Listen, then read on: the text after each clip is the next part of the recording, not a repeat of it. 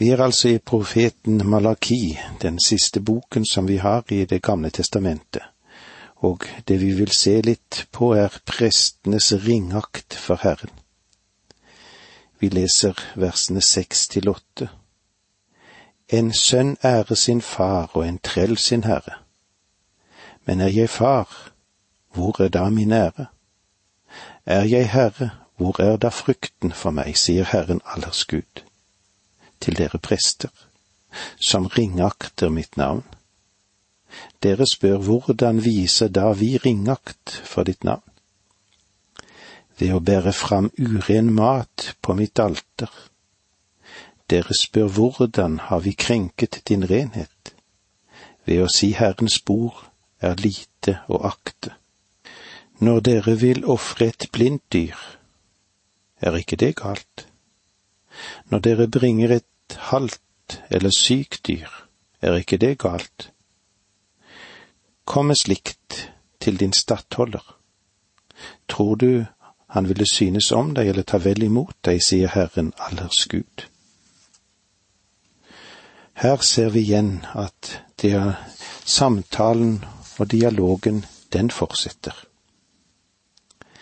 Profeten kommer nå med Guds tale til et frafallent presteskap. Og så svarer de med sine spørsmål. Og så kommer profeten og utdyper hva deres synd består i. Og vi ser at utgangspunktet er de to beskrivelser av Herrens forhold til sitt eget folk. Gud er Herre, og folket, det er tjenere et bilde også Paulus ofte bruker for å beskrive forholdet mellom Kristus og hans troende. Gud fremstilles også som en far og Israel som en sønn. Dette var bilder som presten uten tvil mange ganger selv hadde brukt. Men de viste med sin oppførsel at det var for dem ikke noen realitet bak ordene.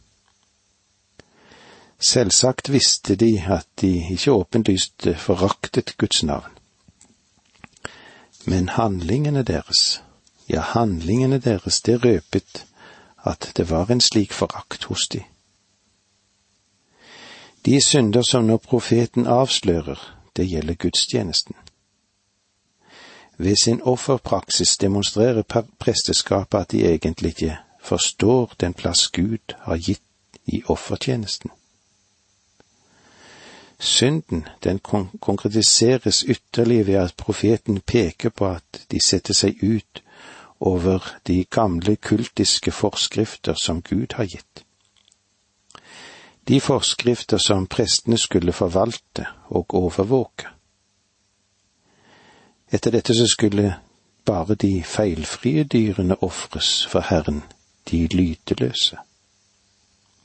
Nå tillater en at eh, de sjuke dyrene ble tatt frem, de skadde dyrene, de blinde dyrene, de skulle ofres. Unnskyldningen for en slik praksis lå sikkert i folkets armod. Men skulle det gis gaver til stattholderen, var det annerledes. Ja, da var bare det beste godt nok men til Gud var det tilstrekkelig med det som ellers ikke har så stor verdi. En holdning til de ytre former ved ofringen avslører forholdet til Gud. Og Gud, ja, Gud er ikke nådig når han blir foraktet. Hva er det vi gjør i dag som kan korrespondere med dette som fant sted på Israel på den tiden, tror du? Husk at apostelen Paulus beskrev menneskene i de siste dager som de vi har i 2. Timotius 3,5. Gudfryktighetens skinn, men fornekter dens kraft. Mennesket ønsker å bli sett på som meget fromme. Det finnes en hel del pompøs fromhet som bare er et utvendig blendverk Paulus beskriver dem som å ha gudfryktighetens skinn, Vi burde fange opp Guds refselse her som et faresignal og et rødt lys for oss. Dette er et budskap til folk som går til kirke. De lytter. De er ortodokse i formen, meget grundige, og så sier de amen. De kjenner språket. De kan sitere mange fromme vendinger. De er fornøyd med en smakløs moral. De kjenner sannhetens form og alle skiboletter og de er fornøyd med det. Men får jeg lov til å si oss alle i fullt alvor at dette faktisk er å ringakte Gud, om han tilber ham på dette grunnlaget. Og det er ikke for mye å si at jeg er mer redd for det verslige i helligdommen enn jeg er for det verslige på gatehjørnet. Kanskje vil du protestere litt, jeg har aldri brakt en sjuk ku til Gud og ofret den til ham. Vil du legge merke til hva Gud sier her i dette verset vi har foran oss? Kom med slikt til din stattholder. Tror du han ville synes om deg eller ta vel imot deg? Med andre ord, prøv å betale skatten din med falske penger. Det er det som er sammenligningen her. De politiske myndigheter vil ikke godkjenne det. Men det å gi Herren et falskt offer, det er å seile under falskt flagg. Er å stå frem med en fromhet du ikke har. Skulle Gud la seg lure? Da han var her for 2000 år siden, så satt og satte seg ved siden av skattkisten og så på hvordan folk ga ja, da er jeg sikker på at noen av dem tenkte. Hva har han med dette å gjøre? Det er faktisk den Herre Jesus Kristus. Og kanskje han også kikker deg over skulderen en søndagsmorgen når du gir din gave. Gir du, dette, gir du dette med glede til Herrens arbeid, som du ville ha gjort om du skulle betale en konsertbillett eller hva det måtte være. Jeg tror dessverre det er slik at mange gamle og syke kuer, de dras til kirken også i dag. Det var Israels metode, og tro meg, Herren lot det ikke passere. Her er det òg en flengende ironi, lytt til ham. Når dere vil ofre et blindt dyr, er ikke det galt? Når dere bringer et halvt eller sykt dyr, er ikke det galt? Kom med slikt til din stattholder. Tror du han ville synes om deg, eller tar vel imot deg? sier Herren, allers Gud. Det er ikke meg han sier dette til, men Herren sier at like lite som du kan betale din skatt med falsk mynt, kan du betale din skyldighet mot Gud med ditt falske offer. Mange har som grunnsetning og grunnlag i dag det er å gi tiende av sin nettofortjeneste. Og det er bra, en bra sak, det som prinsipp. Men vi er vel under kravet om å gi tiende i det hele tatt. Men la meg òg få lov til å si det er interessant å merke seg at i Moseloven var det mer enn tiende. Vi vet at det var to tiendes ytelse, og mange tror at det var tre tiende ytelse. Det vil egentlig bety at folket ga 30 prosent av det de tjente til Herren.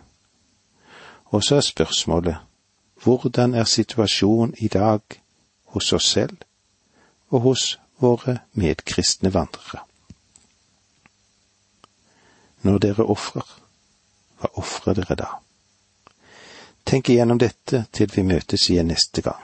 Takk for nå, må Gud være med deg. Dette undervisningsprogrammet består av to deler. Åge Nevland fortsetter nå med andre del av dagens undervisning. Vi er i profeten Malaki. Malaki, som betyr budbringer. Eller det kan bety min engel eller mitt bud. Profeten er altså litt anonym for oss på en måte, samtidig som han er klar med å trekke frem at han har et budskap å formidle til datidens og nåtidens mennesker. Det er klart at Jerusalem har en persisk guvernør, det vil vi se når vi går videre inn i det åttende verset som vi har berørt litt tidligere. Og i det åttende verset står det slik:" Når dere vil ofre et blindt dyr, er ikke det galt. Når dere bringer et halvt eller sykt dyr, er ikke det galt. Kom med slikt til din stattholder. Tror du han ville synes om deg eller ta vel imot deg, sier Herren allhers Gud. Hvordan var det på den tiden når de ofret, og hvordan er det i vår tid? Det var vi innom for litt siden. Da den Herre Jesus så over mot skattkisten fra der han satt, ja, så så han hvordan de rike ga, og de var sjenerøse, de ga sjenerøst. Men han ga de aldri en positiv kommentar, fordi de beholdt så kolossalt mye mer for seg selv. Men så kom den fattige kvinnen som du husker om, og de få slantene som hun droppet opp i kisten, og sammenlignet med den rikdommen i tempelet, ja, da var det jo nesten ingenting. Hun ga ingenting. Men den Herre Jesus tok disse få slantene og kysset dem med sin kommentar og løftet den som gull mot himmelen, og sa at hun ga mer enn noen av de andre. Jeg er overveldet hvordan dette bibelprogrammet Veien gjennom Bibelen holdes oppe. Store deler av det holdes oppe gjennom mennesker som sikkert kunne ha trengt å reservere det før de sender det bort, de kunne brukt det på seg selv. Men det gjør det ikke. Kanskje mange også tenker slik, det er ikke mye jeg kan gjøre. Men så gjør de det de kan allikevel. Og sammen med det mange enker og pensjonister gir, så underbygger dette programmet, ja, det er det som gir oss muligheten til å føre det videre. Ja, mange andre med. Og nå har jeg lyst til å takke dere alle for dette. Vi ville være ille ute hvis de mange gaver, både små og store, ble borte. Israelittene på Malaki sin tid, de var så veldig kløktige.